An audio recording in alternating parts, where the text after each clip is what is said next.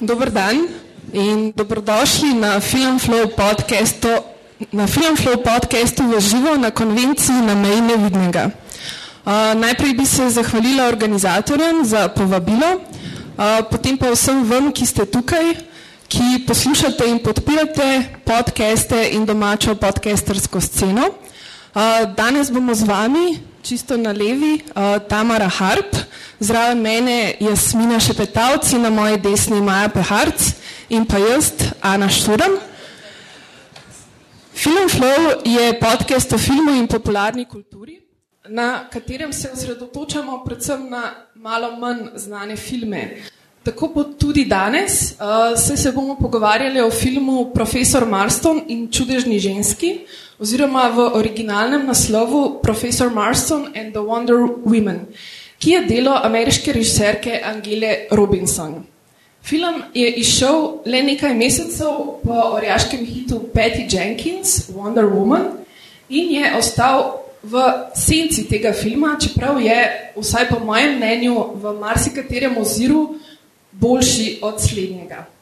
Uh, današnji podcast je po krajšem poletnem premoru tudi prva epizoda nove Film Flow sezone.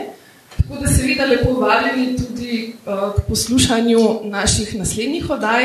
In sicer Film Flow izhaja enkrat mesečno, oziroma vsakega 30. v mesecu, razen februarja, ki ima manj dni. Um, kje vse pa nas najdete, pa vam bo kot vedno povedala Maja. Pa upam, da se ne bom ful preveč zmotila. Okay. Uh, kot predhodnike pred nami in za tiste, ki pridejo za nami, nas najdete na www.aparatus.js, na www.filmflow.js se najde sam nas. Na Facebooku smo filmflow.tm, filmflow.tm smo tudi na Twitterju in na Instagramu smo filmflow podcast. Sem prav povedala? Super. Amazing, kada ne bi tega že tri leta počela. Cool.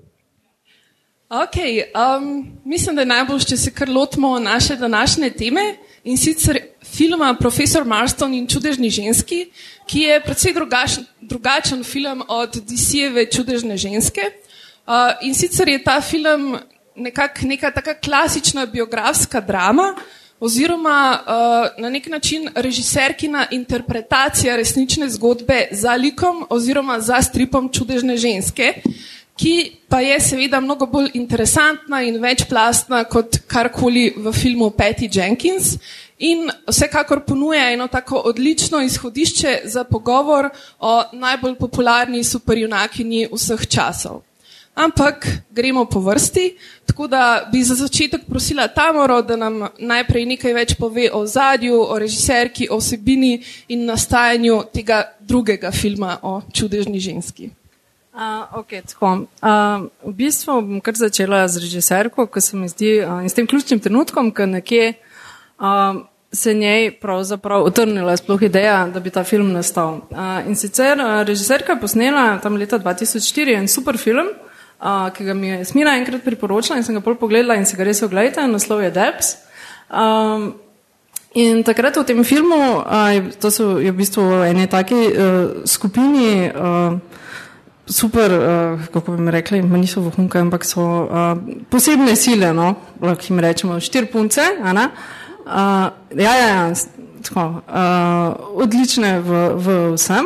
Um, in uh, ena od njih, pravzaprav ni čisto posebno prepričana, a je to življenje za njo. Ne?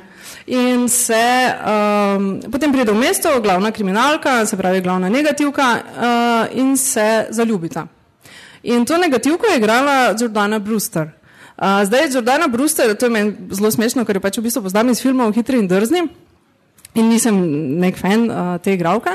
Ampak tukaj v tem filmu je super. In ona je uh, vedela, da je pač režiserka, tako fanica Wonder Woman in je podarila knjigo uh, Complete History of Wonder Woman. In tam je tudi eno poglavje, seveda o ustvarjalcu uh, uh, tega stripa in o njegovi družini. In uh, uh, tako je potem uh, Angela Robinson postala zelo, uh, pravzaprav je sama rekla, da je kar obsedena s to zgodbo, ker je ta zgodba pravzaprav bila zelo skrita, ni, ni se govorilo o tem, uh, je dost bilo, je tako se je pojavilo, ampak dejansko to ni bilo neko splošno znano dejstvo. Uh, in uh, odkrila je tako, da za začetek uh, je bil to profesor psihologije, uh, kar spremeni zadevo, ni bil pač samo nekdo, ki je delal stripe, ampak je zadaj še ena, uh, so še nekatere teorije. Potem je začela zelo uh, intenzivno prebirati vsa njegova dela, uh, posebej pa ste se nekaj dotaknili ali pa uh, ste pomembili pred dve stvari. In sicer uh, uh, njegova teorija, uh, disk theory, Uh, torej, uh, bo to kasneje, bomo v bistvu to več razložili, no, ampak v skladu s to teorijo je pravzaprav ona tudi postavljala, nekako se zavedala je skozi celotno snemanje filma, zato se mi zdi to dosti pomembna zadeva. Uh, druga stvar pa je, um, uh, druga stvar pa je, uh, kar sem jo htela še omeniti, je pa, uh, se pravi, um, tudi to, da se vse čas um, zavedala, da je pomemben uh, prikaz te zgodbe na, na platnu, oziroma pač ja, na filmu. Uh, Angela Robinson je namreč dolga leta delala tudi na televiziji, uh, je temnopolta in je lezbika, tako da je za te teme, bom rekla, verjetno precej bolj občutljiva, saj ve, koliko je pomembno, da pravzaprav vidiš tudi uh, svoje, svojo podobo v, v, na televiziji, v serijah in tako naprej. Uh, zdaj posnela nekaj, mislim, sodelovala pri nekaj znanih serijah, True Blood, uh, The Word, uh, uh, se pravi, dela za HBO in tako naprej. Uh, tako da je veliko dala uh, tudi na to, in pa seveda uh, je imela točno v mislih igralce, ki jih bo za ta film uh, uh, poklicala. In uh, sicer eden, uh, no, uh, se pravi, profesora Marsona igra uh, Luke Evans, Uh, njega je imela v mislih že od samega začetka in je rekla, da ga je tudi prav že skoraj da bolano zalezovala, ker je pa človek izredno uh, zaposlen, tako da je nadlegovala mička njegove agente, kdaj bi imel čas in ko se končno pač stale čas pojavil, je Luke Evans seveda čisto presenečen, ker pravzaprav ni poznal zadnje te zgodbe.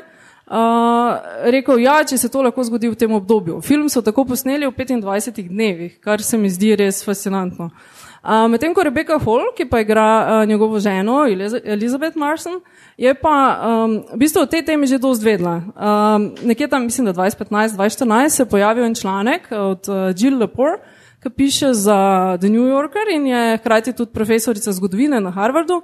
Um, in je v bistvu na to naletela, medtem ko je raziskovala uh, zgodovinsko ozadje uh, organizacije uh, Planned Parenthood. Uh, in ji potem nekako ni bilo jasno, kako se zdaj tole in ena komunikacija z profesorjem Marsom, ki je v bistvu ustvarjalec čudesne ženske, ko se vse to prepleta in se je potem poglobila v to zgodbo in objavila v tem članek in kasneje še knjigo. Uh, in uh, Rebeka Hol je seveda to zelo zanimala, tako da je že tudi sama želela pravzaprav posnet film. Ampak, ko je slišala, da se to, to že dela, je uh, seveda takoj se uh, kontaktirala režiserko in sta se ujele popolnoma in to je bilo to, ona je bila pač njena uh, Elizabeth. In, uh, Medtem ko tretjo vlogo, uh, se pravi Olive Byrne, uh, je pa v bistvu preko audicij uh, potem, ampak je tudi rekla, da je takoj prepoznala v njej. Uh, prav ta razvoj lika je v bistvu bil viden že v scenah, ki jih je pač ona posnela in jih je vzela. Tako da imela je potem pač te, te, te tri glavne uh, igralce. Uh, tako da. Um, to je nekako to. Uh, kar se pa tiče tega, ona to ustvarjala zelo dolgo, uh, v bistvu je raziskovala približno že štiri leta, pol pa tudi, ker je to bil pač res njen tak passion project, je to delala ob vikendih in tako v prostem času in je trajalo še nadaljne štiri leta, tudi da je dobila studio, da so to posneli in tako naprej.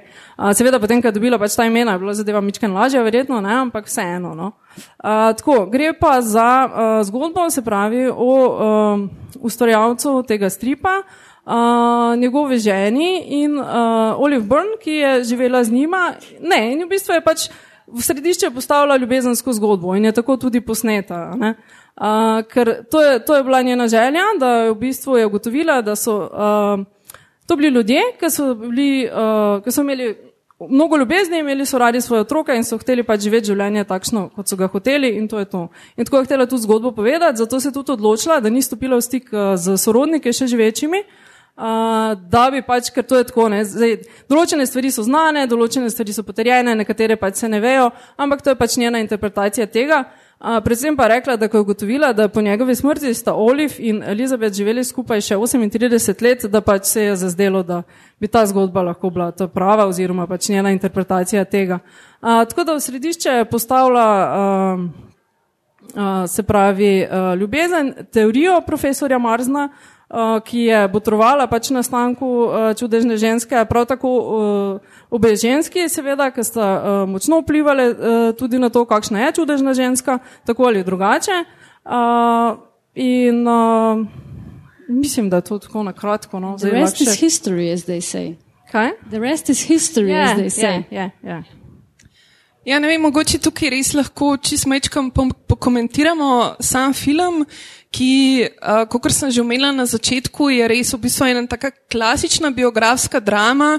Uh, tudi um, film je narejen na ta način, ampak se mi zdi, da je res, um, kar je bilo meni všeč, je to, da se res osredotoči na ta odnos med njimi tremi in v bistvu na tem odnosu, v bistvu, oziroma um, med temi liki preigrava te neke psihološke teorije, ki jih je Marston raz- raziskoval in ki so posledično tudi potem nekako pristale v, v čudežni ženski.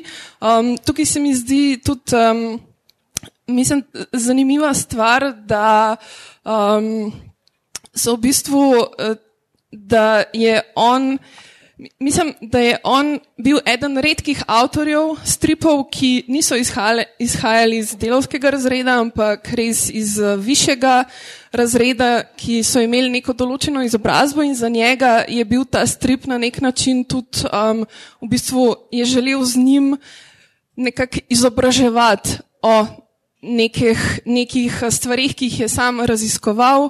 Uh, tako da to se mi je zdel en tak zelo zanimiv ja, v, vidik. v bistvu je šel tako daleč, da je basically rekel Wonder Woman is propaganda. Pač to je bila njegova propaganda za svet, ki si ga je on želel, da bo nasledil tega, v smislu tega, da bojo, mo, da bojo ženske prevzile uh, svet. In je pač zelo svojo to disk teorijo, ki je sicer taka ful značilna za njegov čas, bom rekla, jo je ful lepo zapakiral v uh, lepe sličice. pa to. E, film je v drugače bil meni osebno tako izredno cute, mislim tako prav. Um, Lep je za gledati, razen v unih trenutkih, ko se zavedam, da so ti realni liki živeli v 20, 30 in 40 letih, kjer je bilo za ženske vse dost bedno in sem pa zmeram full infuriated, s kakšnimi stvarmi so se mogli ukvarjati v smislu, da so bili vsi perverzneži in da jih je basically družba zavračala in da mogoče ta izmišljen konflikt, ki ga oni imajo noter, da Elizabeth Olive vrže ven, zato ker pač je tako prepričana, da jih družba nikoli ne bo sprejela, pa pa njihove otroke mal maltretirajo. Pa tako, mene to zmeraj ful pogreje in sem pa tako.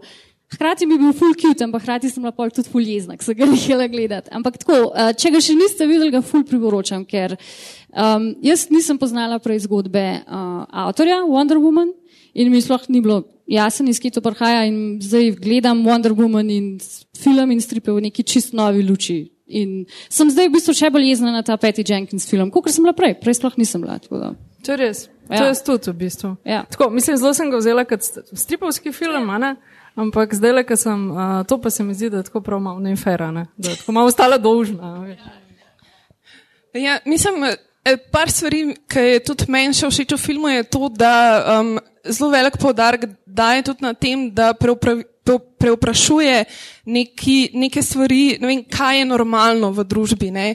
Um, in v bistvu se res veliko ukvarja s temi temami in nekako poskuša vsaj mejhan premikati meje nekega mišljenja, kar je tudi zelo značilno za ta čas, v katerem je začel nastajati um, ta strip, o čemer bomo tudi še mečkan uh, povedali.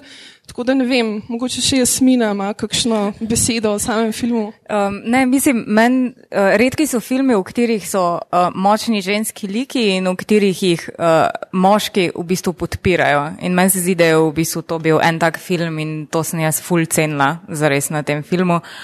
Um, Potem uh, zanimivo v bistvu je bilo to, da Marston, čeprav je naslovni onak, zares ni glavni onak filma. Mislim, da v bistvu ženske prevzame takrat to vlogo na nek način. Ne? Um, zaradi tega, ker so čist briljantne in, um, in, in na nek način te nečudežne ženske, ker on je zagovarjal, da je zares čudežna ženska, ni nič posebnega, ampak je zares vsaka ženska lahko čudežna ženska. Ne? Po svoje. Tako da v bistvu meni je bil film, moram reči, precej všeč. Tudi to, no, da zares v filmu nikoli ne vidimo um, funkcionalnega polirazmerja. Um, kar je mogoče zanimiv za danes, um, ta film pa na nek način to pokaže ne? in še to v letih, ko mogoče je bilo to res tok težje. Uh, ja, no, mislim, ena od pomembnejših stvari uh, v tem filmu je tudi sam časovni okvir oziroma časovni razpon, v katerem se odvija. In sicer je to čas med obema svetovnima vojnama s posebnim fokusom na uh, tako imenovanih zlatih 20 letih, ki nekako označujejo začetek modernega življenja. Um, so čas poln sprememb, tako tehnoloških, kot tudi mentalnih, in so nekako ključno vplivali na formiranje stripa v čudežni ženski. Mislim, pač ta strip najbrž ne bi mogel nastati v nekem drugem času. Um, to je čas pač po prvi svetovni vojni. Um, zadnjič sem um, slišala nekje, pa si nisem zapomnila imena tega zgodovinarja, ki je rekel, da se v bistvu um, prva svetovna vojna ne imenuje zato, ker se je pač v vojni boril v svet, ampak zato, ker se je po prvi svetovni vojni svet res radikalno spremenil, ker ni bil več enak. Um, to je v bistvu čas, ko ZDA postanejo uh, vodilna svetovna vele sila, nekako začnejo se, začne se neka ta potrošniška družba.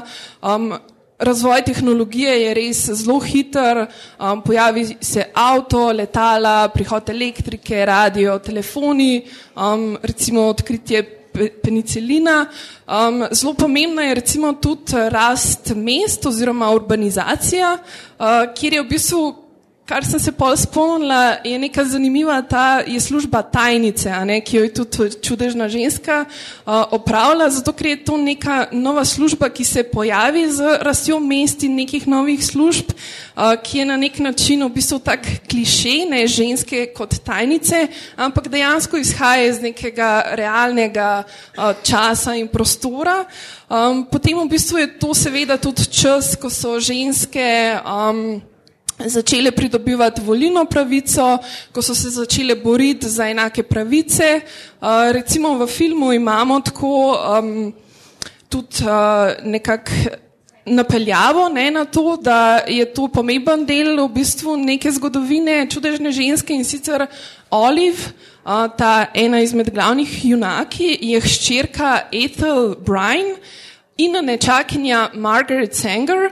To sta dve v bistvu zelo znani ameriški sufražetki, ki sta leta 1916 skupaj ustanovili prvo kliniko za preprečevanje nezaželene nosečnosti v Združenih državah Amerike, um, ki je postala v bistvu nekakšen temelj za današnji Planned Parenthood.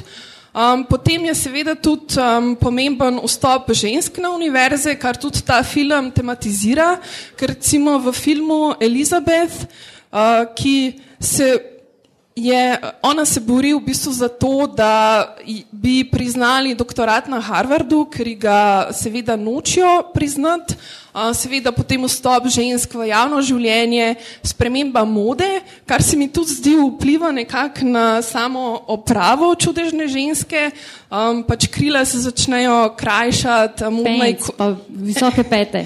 ja, v bistvu modna ikona tega časa postane Coco Chanel, recimo. Seveda zelo pomembna stvar je pa tudi v bistvu nek ta prelom s starimi tradicijami, razvoj umetnosti in kulture, socialna revolucija in pa seksualnost seksualna osvoboditev, uh, ki seveda tudi pride uh, s Freudom in tako naprej. Tako da to je neko tako ozadje, uh, na katerem v bistvu pač nastane čudežna ženska in se mi zdi, da vse te stvari vplivajo in tudi informirajo sam ta strip. Ja, ker um, jaz kot ne zgodovinarka oziroma nekdo, ki pač se niti ne ukvarja z zgodovino, zmeram o preteklosti razmišljam kot o stali v družbi, ki je nekako za nami, da smo mi zdaj veliko bolj napredni, ampak recimo, če primerjam 20 leta, 30 leta tudi v Berlinu ali pa drugih metropolah, so bili tako way ahead of us. Pač ljudje so swingali, kokain se je krvalo po ulicah. Um, tako veliko bolj so bili odprti do teh marginaliziranih skupin in se mi zdi, da pač je Marston uh, deloval pa razmišljal v enem takem fulplodnem času. In kot si rekla, se mi zdi, da tak strip uh, Wonder Woman, kot je bil v Golden Age, to se pravi na začetku, ga danes niti približno ne bi Uh, ne bi bil tako mainstreamovsko uspešen, bi rekla. Bi bil najbrž zelo v redu nek ta um, nišni queer karkoli, ne, ne bi bil pa tako um, univerzalno bran, kot je. Um, in pol v bistvu, kar se zgodi v stripu, mislim, kar se s stripom zgodi pol kasneje, po drugi svetovni vojni 50-60, je pol full odraz časa, ki se zgodi za drugo svetovno vojno in v bistvu ta neka nazaj k tradiciji, pa puritanska Amerika, ki se ji po vojni, se mi zdi, odtrga mal full, pa že med vojno. No. Ja, zdi se mi, da ljudje so res imeli v bistvu to neko tendenco potem, da so raziskovali neke nove stvari, da so imeli pogum, da so v bistvu neke meje začeli rušiti, da so jih zanimale in tako, to se mi zdi tudi neka energija uh, za filmom, no, kot za strip. Um, nekaj bi še dodala, ti si preomenila knjigo od uh, tele uh, Jill Lepore, The Secret History of Wonder Woman. Uh, v bistvu full ok knjiga za tiste, ki se mogoče malo bolj zanima. Um, in um, v bistvu ona piše v tej knjigi, da je na Harvardu v tistem času, ko je hodil Marston na Harvard, um, bilo ful močno feministično gibanje, ki so ga zares tudi začeli moški, mislim, moška liga v podporo feministkam, ne je obstajala, ker pač so bili samo moški študentje. In so pač feministke um, velikrat povabili, da so uh, predavale na Harvardu. Um, in ena od teh je bila uh, Emmeline uh, Penhurst, ki je bila pač uh, vodja britanske feministične, um, feminističnega službe. gibanja. Ja, službe, lobija. Um, in, um, in Harvard ni pustil, da pač predava. Tam zato so najeli uh, dvorano sam par sto metrov od uh, kampusa. Um, in je bil tak naval, da je dvorano za 500 ljudi, 1500 ljudi um, napolnili in so plezali po oknih in gledali. In to ne bi na Marstona tudi v bistvu dosta vplivali, ne? ta nek val močen feminizma že v njegovi mladosti. Mislim, se meni se tudi zdi zgovorno, da je v bistvu Marston, ki je doktoriral na Yale, Harvardu, nekje Harvardu, da v bistvu on bi lahko imel tenjer oziroma profesuro na Harvardu, guess, pa se je mogoče odločil, bil primoran kakorkoli biti na ženskem koledžu, če sem jaz to prav razumela iz filma. Ne? V filmu je to Redcliffe ali kaj, in real life ni bilo to tako. Ja, tako ja. nekak, on se je odločil, da bo tam situiran. No? Pač, mogoče, pač, kot sem jaz povedal, to Marstonu mar brala, ni bil glih tak briljanten znanstvenik, kot mogoče si je samo se prav mislil, ampak pač se je odločil, da bo pač. Um, ker takrat na Harvardu, mislim, še niso sprejemali študentk um, ali pa zelo omejeno, in potem so imeli ženski koledž in je on tam pa veš, bo svojo disk teorijo. Pa tudi v resnici, a ne psihologija je bila še zelo ja. nova veda, ki je v bistvu glih takrat šele začenjala postaviti. Postavljati neke ja. temelje, ja. tako da tudi ja. to je najbrž eden od razlogov, zakaj je mogoče tam lahko to bolj um, vežbo. vežbo. Ja, ja, definitivno. Uh, ja, v bistvu no, zgodovinski kontekst je seveda močno vplival na vsebino in poslanstvo stripa, uh, ki pa ga je seveda v bistvu navdihnilo tudi čez zasebno življenje, delo čisto zasebno življenje in pa delo avtorja Williama Moultona Marsona. Nekaj smo že zdaj uh, v mestnem času povedali, ampak uh, en tak pregled njegovega dela, začetke stripa, mogoče tudi uh, kasnejši razvoj stripa in kako je potem ta strip vplival tudi mogoče na neke televizijske serije in tako naprej, pa bo naredila Jasmina. Ok, zdaj bom šla kar po zapiskih, če ne se bom čisto izgubila. Um, Tak.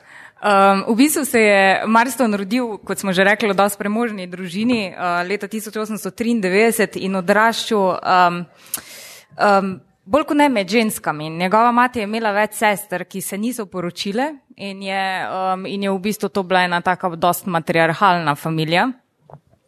Um, zanimivo je, da v svojih najstniških letih je bil obseden z mislijo na samomor in je mislil, da bo v bistvu definitivno naredil samomor nekje do 20 leta.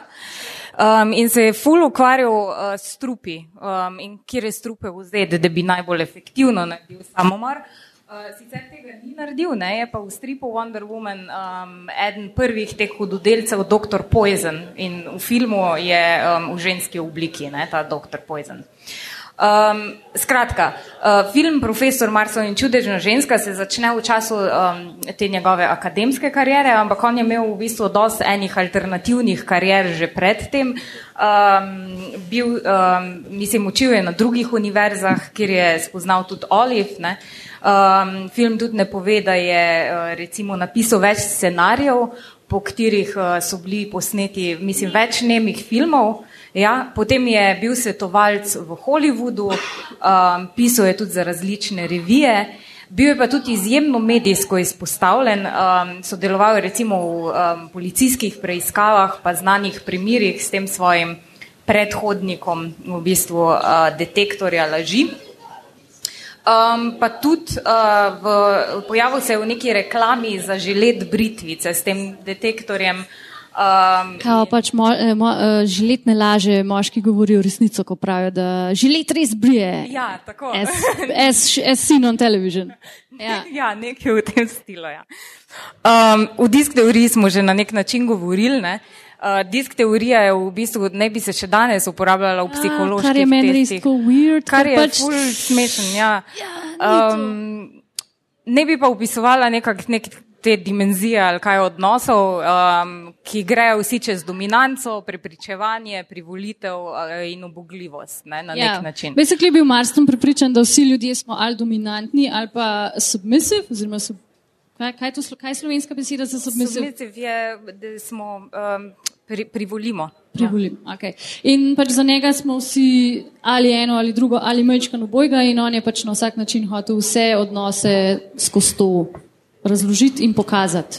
In še posebej mm. se mu je zdelo, da v bistvu, če so moški kao bolj dominantni, to je njihova glavna lastnost, ne, je potem vse, kar je submisivno za ženske, uh, so se moški odločili, da je to negativno in to ni dobro, on je pa bil pripričan, da je to v bistvu za vse ful dobro, ker pač iz tega, če se ti nekomu podrediš, willingly, je pa awesome za vse. Da, on je bil ful v bistvu tak pri-hipi, preden so sploh vedeli, kaj je hipi. Ja, in o tem, da pač ljudi na nek način prepričaš ljubeče, da se podredijo, ne bi bile boljše ženske. Ne? Absolutno. To je bila potem uh, pač ta glavna teza. Um, Ok, um, zdaj malo še v ženskah, mogoče zaradi tega, ker o Marstonu govorimo. Ne. Elizabet je študirala um, na Mount Holyoke, to je bila prva ženska univerza, ki je imela tudi ful znano feministično dekanjo v Mary Voli, ki je bila tudi lezbika, by the way, in je svojo pač partnerko živela na kampusu. Um, doštudirala je psihologijo in pravo, naredila magisterij iz psihologije, doktorat pa je ni bil priznan, ne, to smo že tudi povedali. Um, z možem je raziskovala, delala na univerzah, revijah, v založništvu. Um, ideja, da Marston naredi super junakinjo in ne super junaka, pa ne bi bila v bistvu njena. Potem Olive je pa bila njegova študentka, uh, ki je potem postala pač del tega poliamornega trojčka. Um, kot smo že povedali, je bila um, sta bile njena mati in teta, znani feministki. Najbolj dobro in noro na ključe, ever. Ja. Je verjetnost, da pač pohapsaš uh, še drugo žensko v tvojem razmerju, ki je pač tako the offspring vseh feminističnih gibanj. To je tako. Me zanima, kako so to randomli. Mislim, v filmu je to tako full cute prikazan, kako se o tem pogovarjajo.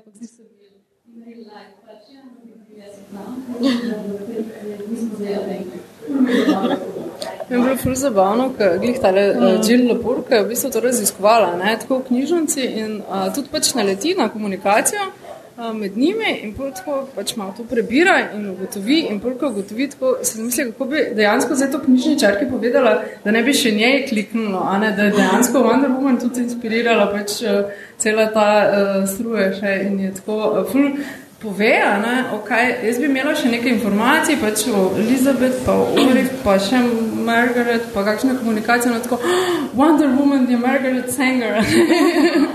In tako, tako da ja, smo se smešili. Ja, čeprav se mi zdi, da mogoče ni bilo čist uh, na ključe, ne, zato ker mislim, da v filmu tudi Oliver meni, da je um, sledila in brala v bistvu dela od Elizabeth, tako da jo je ona, recimo, je ni upoznala, Tako da je mogoče ona ni šla iskat, ne, tako da ne, mogoče ni tako zelo, zelo na ključne. Things seldom are. Yeah. Ja. Um, Je pa v bistvu, no, mogoče um, tudi sama pred ogledom tega filma nisem zelo veliko vedela o, o samem ozadju in um, po ogledu uh, dejansko zdaj na ta Dianin laso resnice uh, nikoli več ne bom mogla gledati enako. Um, tako da v bistvu ena od zanimivejših tematik tega filma je tudi, um, pa seveda originalnega stripa, je SM praksa. Um, ki so, ne, mislim, ta praksa je tudi poved, povezana nekako s teorijo, ki jo je poučeval in raziskoval Marston, um, pa seveda tudi s časom tega uh, seksualnega, um, te seksualne osvoboditve, tako da mogoče bi lahko še kaj več o tem povedali. Ja, šur. Jaz sem imela včeraj zvečer ful zanimiv večer, ko sem pač googlala BDSM and Wonder Woman. Sem pa imela tako dve ure. Wow! Wow, look at all these things, amazing, koliko stvari jaz zamujem v lifeu, ker ne vem tega. Um, ja, kot ste mogoče že zažnali, ne, avtor Wonder Woman je bil precej nekonvencionalen tip človeka, živel je v poliamornem razmerju še z dvema drugima ženskama, ki naj bi bile v bistvu uh, biseksualki po spolni orientiranosti. Vsi skupaj so imeli swinger party, pa orgije so organizirali, pa vsi so bili pač uh, zmerno do pretežno v BDSM sceni. In kot smo že omenili, je v bistvu Marston imel to disk teorijo, uh, ki pač si je on razlagal vse odnose skozi um, ali smo dominantni ali um, submissive.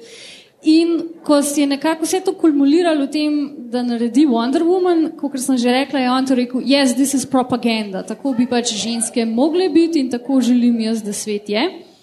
In če si pogledamo pač Wonder Woman v Golden Age, to se pravi, to je od tlema napisan, ker tega tudi nisem vedela, da, vas, da vam ne bom lagala, od 1930 do 50 je kao Golden Age of Comic Books, ne?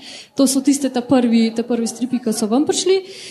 Je pač, basically, če dobro gledamo z današnjim očem, tako full BDSM stvari noter. Uh, ne samo tega, kako Wonder Woman zgleda, um, petke, pa buci, pa te shackles, oziroma um, kaj je to za pesnice, ki jih ona ima pa da nosita laso oziroma pač vrune, um, je tudi art zelo zgovoren. Um, ženske so fulkrat zvezane, roke na hrbtu ali pa pač čist basically roleplay, kot ga poznamo danes iz pač BDSM okolja.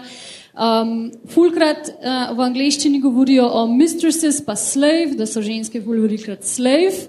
Uh, to some mistresses, ampak pač Wonder Woman se zmeraj zauzema za to, da bi bile pač tudi, um, da bi bila ona tudi mistress uh, ženskam, ampak ona bi bila a good mistress, pa bi potem več uh, iz njih izvlekla. Um, ful mi je zanimiv, ker um, Ko malo googlam, sem googlala fotke, fulkrat jih pošljajo na uh, te ženske, ki so bile bivše slave, jih pošljajo na en tak otok, da jih bojo tam mal um, prešolale v kao good slave, pa submissive slave, um, ampak v, v tem pač nekem zelo un, feministično pozitivnem duhu, da ne skozi to, uh, ko se boste podredile v neko ljubečo razmerje, uh, bo veliko uh, velik, uh, boljš za vas, boste v bistvu bolj močni. No? Um, in v bistvu um, tudi na. Ne, če smo rekli, kako Wonder Woman zgleda, pa kakšen je čist art style od tega, ne, je tudi v bistvu narativa prežeta z nekimi BDSM elementi. Um, od tega, da s tem Paradise Island, um, skjer Wonder Woman je, tam se grejo pač roleplay igre, pa bondage igre, ki se pač ženske lepo uvijajo v, um, veri, v vrvi in verige in se potem probajo osvobajati. Um, Wonder Woman skozi v originalu henga z, enimi, uh, z eno sorority skupino, ki so Holiday Girls, neki tacga, in one se skozi grejo te neke inicijacijske igre, ki so tudi uh, pač šeškanje, pa te stvari, tako da tega je čez komike full. In pa pač um, tlele um, je meni full zgovorno, da poleg uh, Dr. Poison oziroma tega nekega strupa, je, so glavni sovražniki Wonder Woman zmeram neki bad guy oziroma bad girle, ki um, zasužnijo druge ženske in druge ljudi. Ne. In to se mi zdi ful zgovorno, ker um, verige so ful močen element prikazovanja uh, nadmoči nad ženskam. Tudi prve sufražetke so um, dobesedno prikazovale um, njihovo ukalupljenost v ta patriarhalni sistem skozi verige. In Wonder Woman je imela v originalu edino um, šibko točko to, da če si izvezal roke, je izgubila svoje supermoči. Tako da Wonder Woman je v Golden Ageu fulkrat skozi zvezana, Pa fulkrat at some point celo reče, I'm tired of being tied up, ampak pa zmeram se um, reš nekak. Ne? Um, in je zelo tako. Kinki je res ta prava beseda, ni, um, BDSM je premočna beseda, zato ker danes se vocira neko pač spolno uh, prakso, ki je pač mogoče malo res nekonvencionalna, ampak kinki pa tako malo un seksi, pa malo fun, pa pač vsi smo malo res intuit. Um, tako da razumem, zakaj, ko so ljudje pol, um, ne ko so ljudje, ko pač so konzervativne skupine v Ameriki, to mojih bolj brale pod lupo, so bile rahlo zgrožene, zato ker Marston se je tudi zelo ukvarjal z Uh, seksualnostjo otrok, pa kako um, pri njih to funkcionira, pa ful tudi skozi Wonder Woman se kaže ven, da, um, da v bistvu, ker je bila to basically propaganda, kaj je treba narediti, če se ti zgodi um, spolni napad oziroma če, um, če si bil nekako zlorabljen in tako naprej. Ker se je, ker ful mi je v redu, on je enkrat, uh, imam en kod tukaj, je rekel, boys can be girls and we can all be sisters. Ne? Ker v bistvu ni bil njegov point sam za osvobajanje žensk skozi Wonder Woman, ampak je hotel pokazati, da v bistvu od tega principa ženstvenosti, kot ga je on razumel iz 20. in 30. imamo benefit vsi. Uh, in zato sem, smo že prej rekli, ne, da če veš vso to zgodovino Wonder Woman, pa tega Kinkija noter, si zdaj sam really mad na Patty Jenkins uh, film. Tako da, um, če še niste, Tle ste najbrž precej uh, um, posvečeni v te stvari. Če še niste pogooglali imidža Wonder Woman iz Golden Age, naredite to, pa preberite si kakšen original strip. Um, ker kasneje v zgodovini, ne pol, ko gre v bistvu ta. Eh, kako se mu že reče? To imam tudi napisano. Jaz imam toliko zapiskov za ta podcast, še nikoli nisem imela toliko zapiskov. Um, obstaja nekaj, kar se reče komik. Comics Code Authority, pač ko so bila ta Senate hearings, so potem pač uh, ljudje rekli, senatorji v Ameriki rekli, ne, komik stripi v bistvu pokvarjajo našo mladino, to ni kul cool in so pač Comics Code Authority uvedli, ki ga je DC uporabljal do 2011, to je bilo do predvčerajšnjim, ki prepoveduje pač violence and gore pa vse abnormalne spolne prakse. Ne? In um, Wonder Woman je posledično v 50-ih, 60-ih tako zgubila v King najprej, pa pa še vse svoje supermoči, ki se je pač prostovoljno odločila, da bo ona pa zdaj živela v men's world. Zato je gez, da bo lahko s Chris Pineom, ne vem, kaj se je dogajalo v 60-ih. Um, in pol v 70-ih skozi, skozi Lindo Carter, pa skozi serijo je potem nekako prišel nazaj uh, ta trend Wonder Woman, vrnil so jim oči in zdaj pač tako pravijo, da poleg Supermana pa Batmana je Wonder Woman na ta tretja najbolj prepoznavna, najbolj popularna superjunakinja oziroma superjunak. Tako da je bilo kar uh, tudi njena pot v stripu oziroma v kulturi je kar zgovorna, pa zelo evokativna o tem, kaj se dogaja tudi ženskimi pravicami. A zelo lahko malo že pizdimo čez Patty Jenkins, Wonder Woman, čez ta film, ne še? Okay. Vem, če imate mogoče kaj še za dodati na ta majn ekskurs? Jaz imam eno, eno zadevo. No. Uh, Režiserka, recimo, bilo to tudi zelo pomembno uh, in je v bistvu um, imela tudi svetovalce za celo to zadevo uh, z vrvjo. Uh, tako in ste potem rekli, da je, no in tudi ta prikaz, ne, v končni fazi, uh, z vidika direktorja fotografije, imela tudi resen pogovor, da zadeva naj ne bo, ne, temačna in negativna in tako naprej, kot je ponavad, ampak so resno probali pač narediti to čim bolj tako, kot pravzaprav je drugače v vseh uh, ne, uh, posnetkih nekih uh, ali ljubezenskih ali kakšnih koli. Uh, tako da to, no in so bili, uh, tako jaz sem pa še poslušala en podcast, v bistvu tele. Uh, poli skupnosti ne, in so tako totalno navdušeni nad celo to idejo, pa tudi potem tale um, King. Uh, uh, Se pravi, skupnost je tudi rekla, da je pač prikaz res en boljših, no, ker so jih tako, ker dejansko je vedno so prikazani kot no, zločinci skoraj. Ja, ja, ja, ja, tako da to. A, druga stvar pa še ta, ki se mi tudi zelo pomembna, je rekla, da je v bistvu tudi njegovo knjigo um, Emotions of Normal People. A, v bistvu tale je pravzaprav zelo zagrabo, ker um, Marson je pač verjel v to, da kakršne koli so tvoje spolne prakse ali karkoli uh, je v redu. Ne? ne rabiš gledati sosedom v spalnico, dokler pač se ne, vem, ne škoduje drugemu, nekako tako. Ne? In da se v redu počuti in da pač takole uh, boš uh, uh, srečen. In tudi ona mu je dala potem eden prvih, tudi začne to knjigo z Are you normal? In tudi ona mu je v bistvu te besede pol položila v usta, dost uh, hitro na začetku filma, se mi zdi. Yeah. No. Ja. Tako, tako, kaj pač ona nekako. Uh, se mi zdi dala poudarkno. Ja, jaz bi če samo omenila, uh, ko si govorila o tem, kako se je strip skozi pač desetletja um, v bistvu spremenil. Strip je na začetku imel um, eno rubriko, ki se je imenovala Wonder Women of History, um, v kateri je v bistvu bila predstavljena vsakič kakšna res fascinantna ženska in kakšne neke prepreke v življenju uh, pač premagala, da je potem um, zmagala. Um, in uh, ful je zanimivo, kako se je v 50-ih letih, ne, ko prije ta ideologija patriarhalne nuklearne družine nazaj. Um, um, spremenila ne? in rubrika zgine, zamenjajo uh, naprimer eseje o usklajevanju frizur in obleke.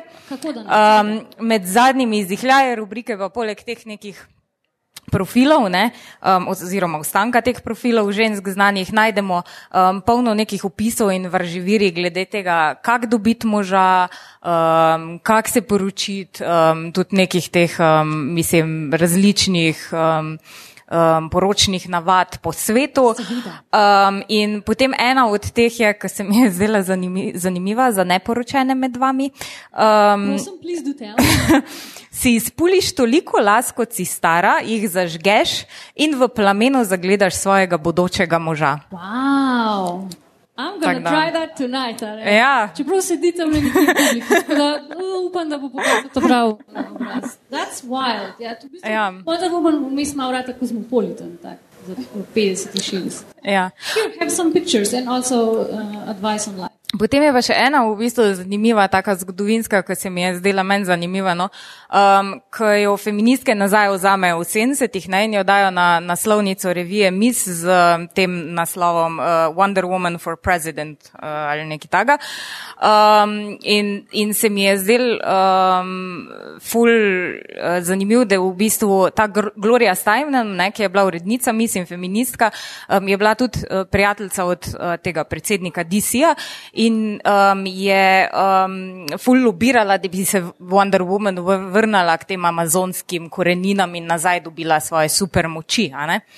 Um, in, in potem jo spet zaženejo in jo spet prevzame uh, Kaniger, ki je v bistvu jo prevzel takoj po Marstonu in je ta konzervativni obrat na nek nar način naredil, ker je boj, da bil tak dost mačist. Um, in prva zgodba je bila taka, um, da je v mestu na prostosti snajper, um, ki, um, ki najprej ubije urednico ženskega časopisa.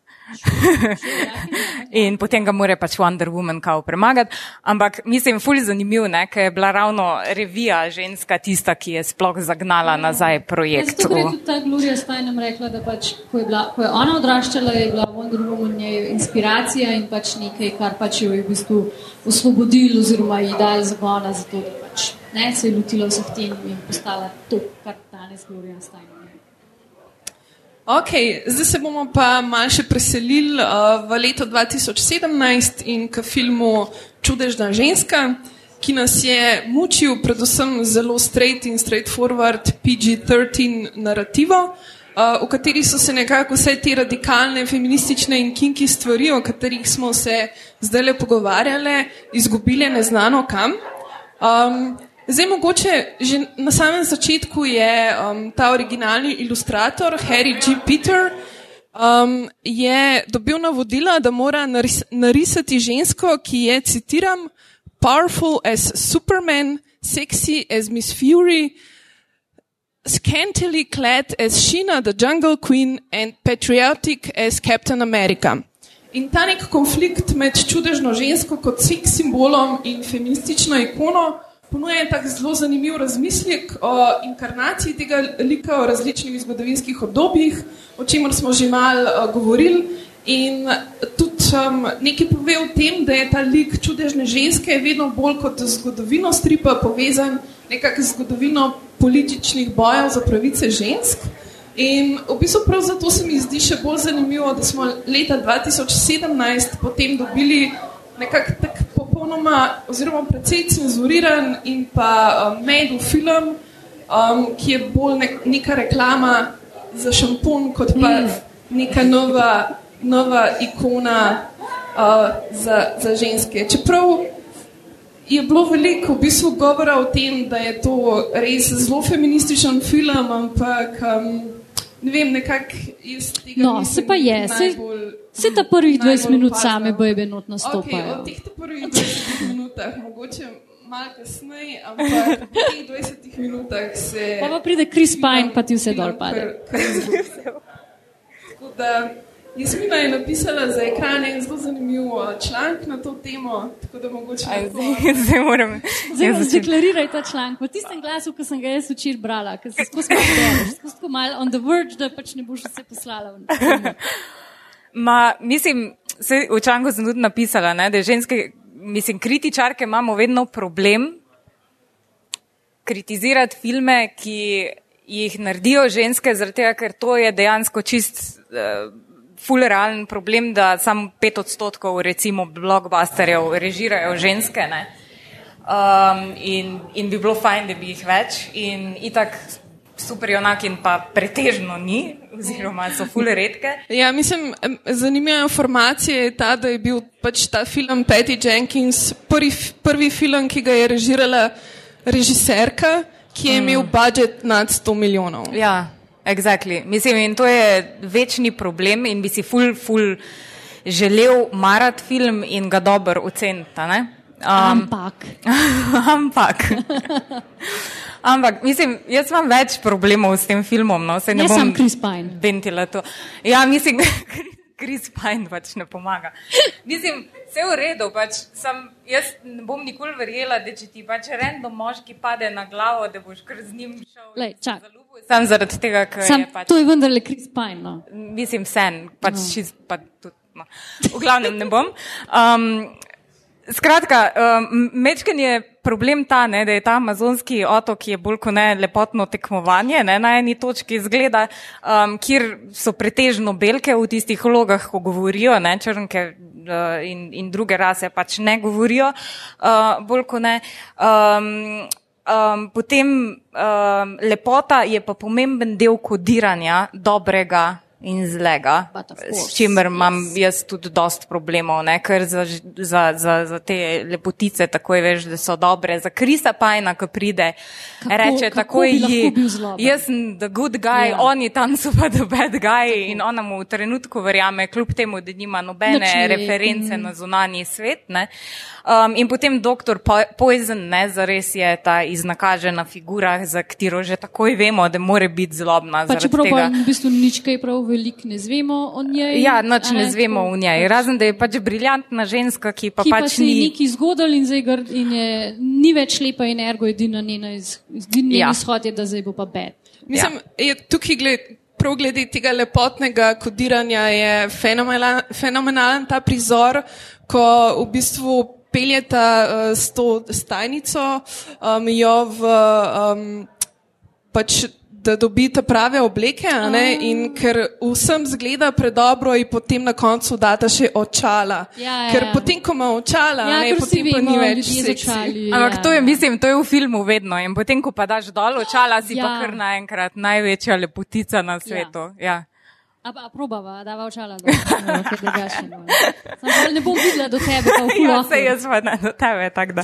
No, ampak tako sem en, je Mičkan napredek iz um, ene animirane zadeve iz 2009, kar se tiče tele pomočnice, a ne, uh, ker tam je pa ona tako prav ena, uh, kot ena bimba prikazana, ki vas ful hoče, je ful obosumna in hoče imeti zase v bistvu uh, njega in še tako cela ta zadeva zraven. Ne, tako da, eh, čeprav tudi tlem je bilo pa tudi pol tako, ne, ona pač dejansko Wonder Woman gre samimi moškimi naprej, ne, njo pustijo doma, tako, ka, a veš, že to tudi se mi zdi, smo se vrnili pola, ne. Uh, Ja, še, še to je, no, da je pač ta biseksualnost Wonder Woman je v bistvu čist nezabrisana, kar je pa v bistvu tudi problem um, na splošno filmov v zadnjih letih. Tudi Black Panther ne, Ja. um, ne bi imel biseksualen Ja. lik, pa uh, ta Valkyrie iz. Um, Iz um, Tora ne, je v bistvu so naredili celo bojda prizor, kjer se pokaže, da je biseksualna, pa ga je studio na koncu v bistvu zbrisal. Mislim, vse ostale stvari z Jeff Goldblumom so bile pa čisto ok, kaj. to pa ne, to pa ne. Ne, ampak tako, on, Average Man, Wonder Woman je bil ok film. Mislim pač, tako, mogoče pač ta prvi 20 minut je bilo perfekt, pa pride Chris Pine, že mal pade, pa pa na koncu je basically CGI battle, sem pa že tako ok, ali pa tudi če ne bi bilo tega, ampak tako pač on average je bil. Ok, mislim, I was entertained, pa fajn mi je bilo gledati Gal Godot, kako prefukava stvari, pa una njena tema s čelotom mi je bila tudi amazing. Tako da, like, če bomo zdaj dobili Aquamena, pa bo to hit, pa like, fuck it, Wonder Woman je full bila boljša in vem, da bo boljša od Aquamena. Ja, ne, si, mislim, film pač sam kot tak, kar se tiče filmskega jezika, tudi v bistvu neki ti pos, posnetki in uh, kako je v bistvu kadrirana ona, v bistvu meni so zelo všeč bili ti prizori, kjer se ona bori, tudi na začetku, ko imaš to bitko, um, v bistvu teh Amazonk s temi Nemci. Um, Ker res vidiš, da je v bistvu zelo zvesto stripu, ne? ker imaš te poze iz stripov, ki se nekako direktno preslikavajo. Tako da je v zadnji nek zanimiv razmislek, ampak nekako mislim, sama zgodba in motivacije. Um, pa ena stvar, no, ki je meni v bistvu v tvojem članku precej izstopila, je to, da je čudežna ženska nekako res v bistvu zelo naiven lik prikazan tukaj v tem filmu, da je res kot neka ta Doroti iz čarovnika iz Oza, ki ji nič ni jasen, kaj se dogaja. Um, in se mi zdi, da so s tem mogoče mal pretiravali in da jo vzamejo nek. Um, neko močno, ampak mogoče, mislim, marsikaj bi se še dal povedati o tem filmu, ampak počasi nam zmanjkuje časa, tako da v bistvu smo pripravili še za konec eno tako mal krajšo varianto. Um, En tak draft naših najljubših superjunakin, uh, ker seveda čudežna ženska je najbolj znana, ni pa edina. Um, tako da v bistvu um, naš izbor naših najljubših oziroma najbolj bedes uh, junaki in tistih, ki so nas morda osebno zaznamovali ali navdušile, ali pa mogoče tiste, o katerih bi želeli kakšen film, da se še posname. A, grem jaz, a, okay. um, če, če kaj poslušate podcast Filmflow, ali veste, da jaz fulkrat ignoriram Anina navodila o tem, kaj moram pripraviti? Sorry, Ana.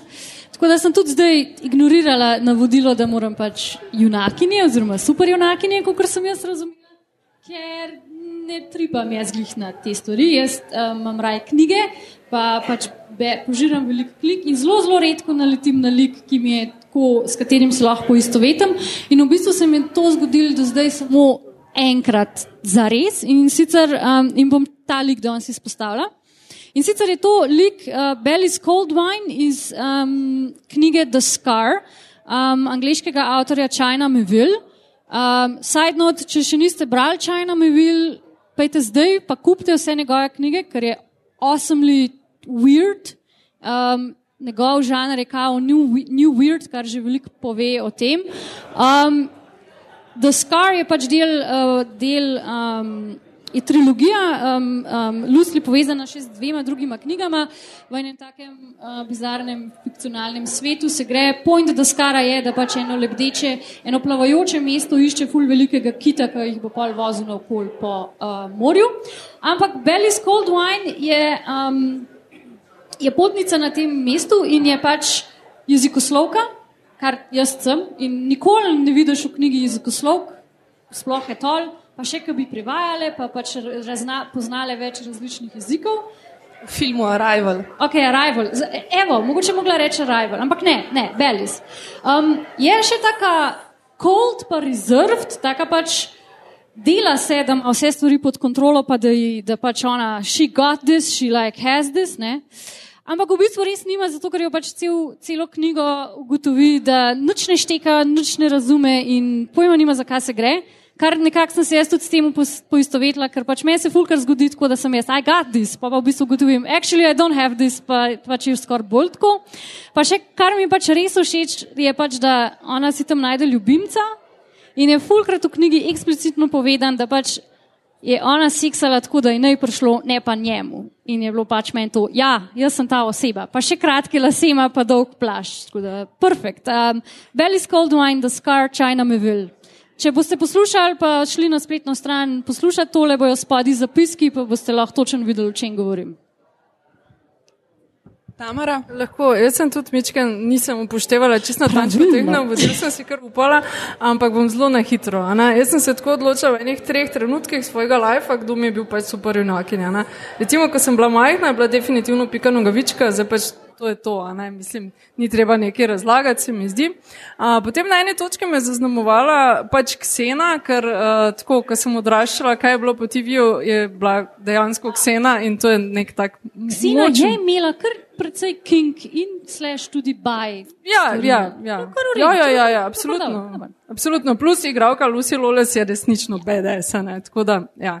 Uh, no, zdaj le pa trenutno tako, da spremljam, uh, je pa pač Jessica Jones na Netflixu, ker se mi zdi, da je pa tudi eden redkih tako uh, ženskih likov, ki se ga, ki se pogleda resno tako celostno, bom rekla temu, no pa zdaj ene zelo specifične probleme še razrešuje v tej seriji, ampak serija je res dobro posneta, plus zelo mi je bilo všeč, da so najeli uh, ženske režiserke. Uh, dejansko celo sezono, tako da to pa vedno podpiram in tudi zato. Pa dobre serije, tako da če kdo še ne gleda, v bistvu preverite kak del. Tako, evo.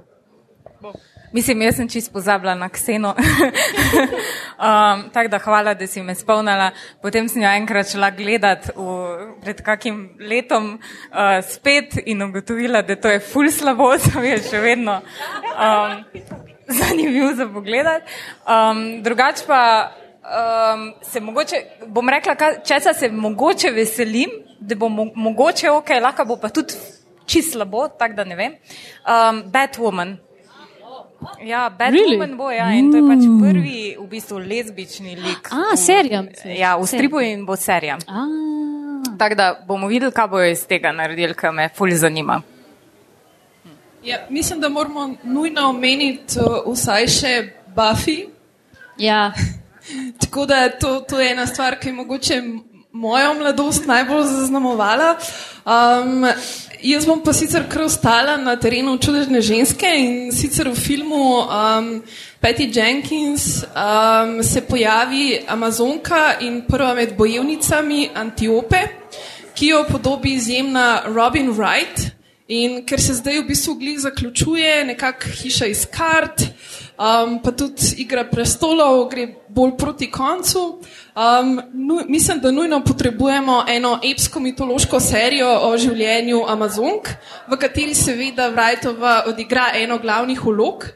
Um, drugače pa je recimo mi bila všeč tudi v bistvu Valkira v podobi Tese Thompson na letečem konju v Thor Ragnarok. Tako da skratka več bere z bojevnic na letečih konjih. To je Ja. to. Hvala lepa za pozornost. A bomo napovedali, da pride za nami? A vemo, da pride za nami. Ana Zihrvi. Ker ti povej. Ne, ne vem, ker ne vem, ker vem, da pride pižama, pa Tomič s podrobnostmi. Uh, skratka, za nami sledijo še uh, žive podrobnosti.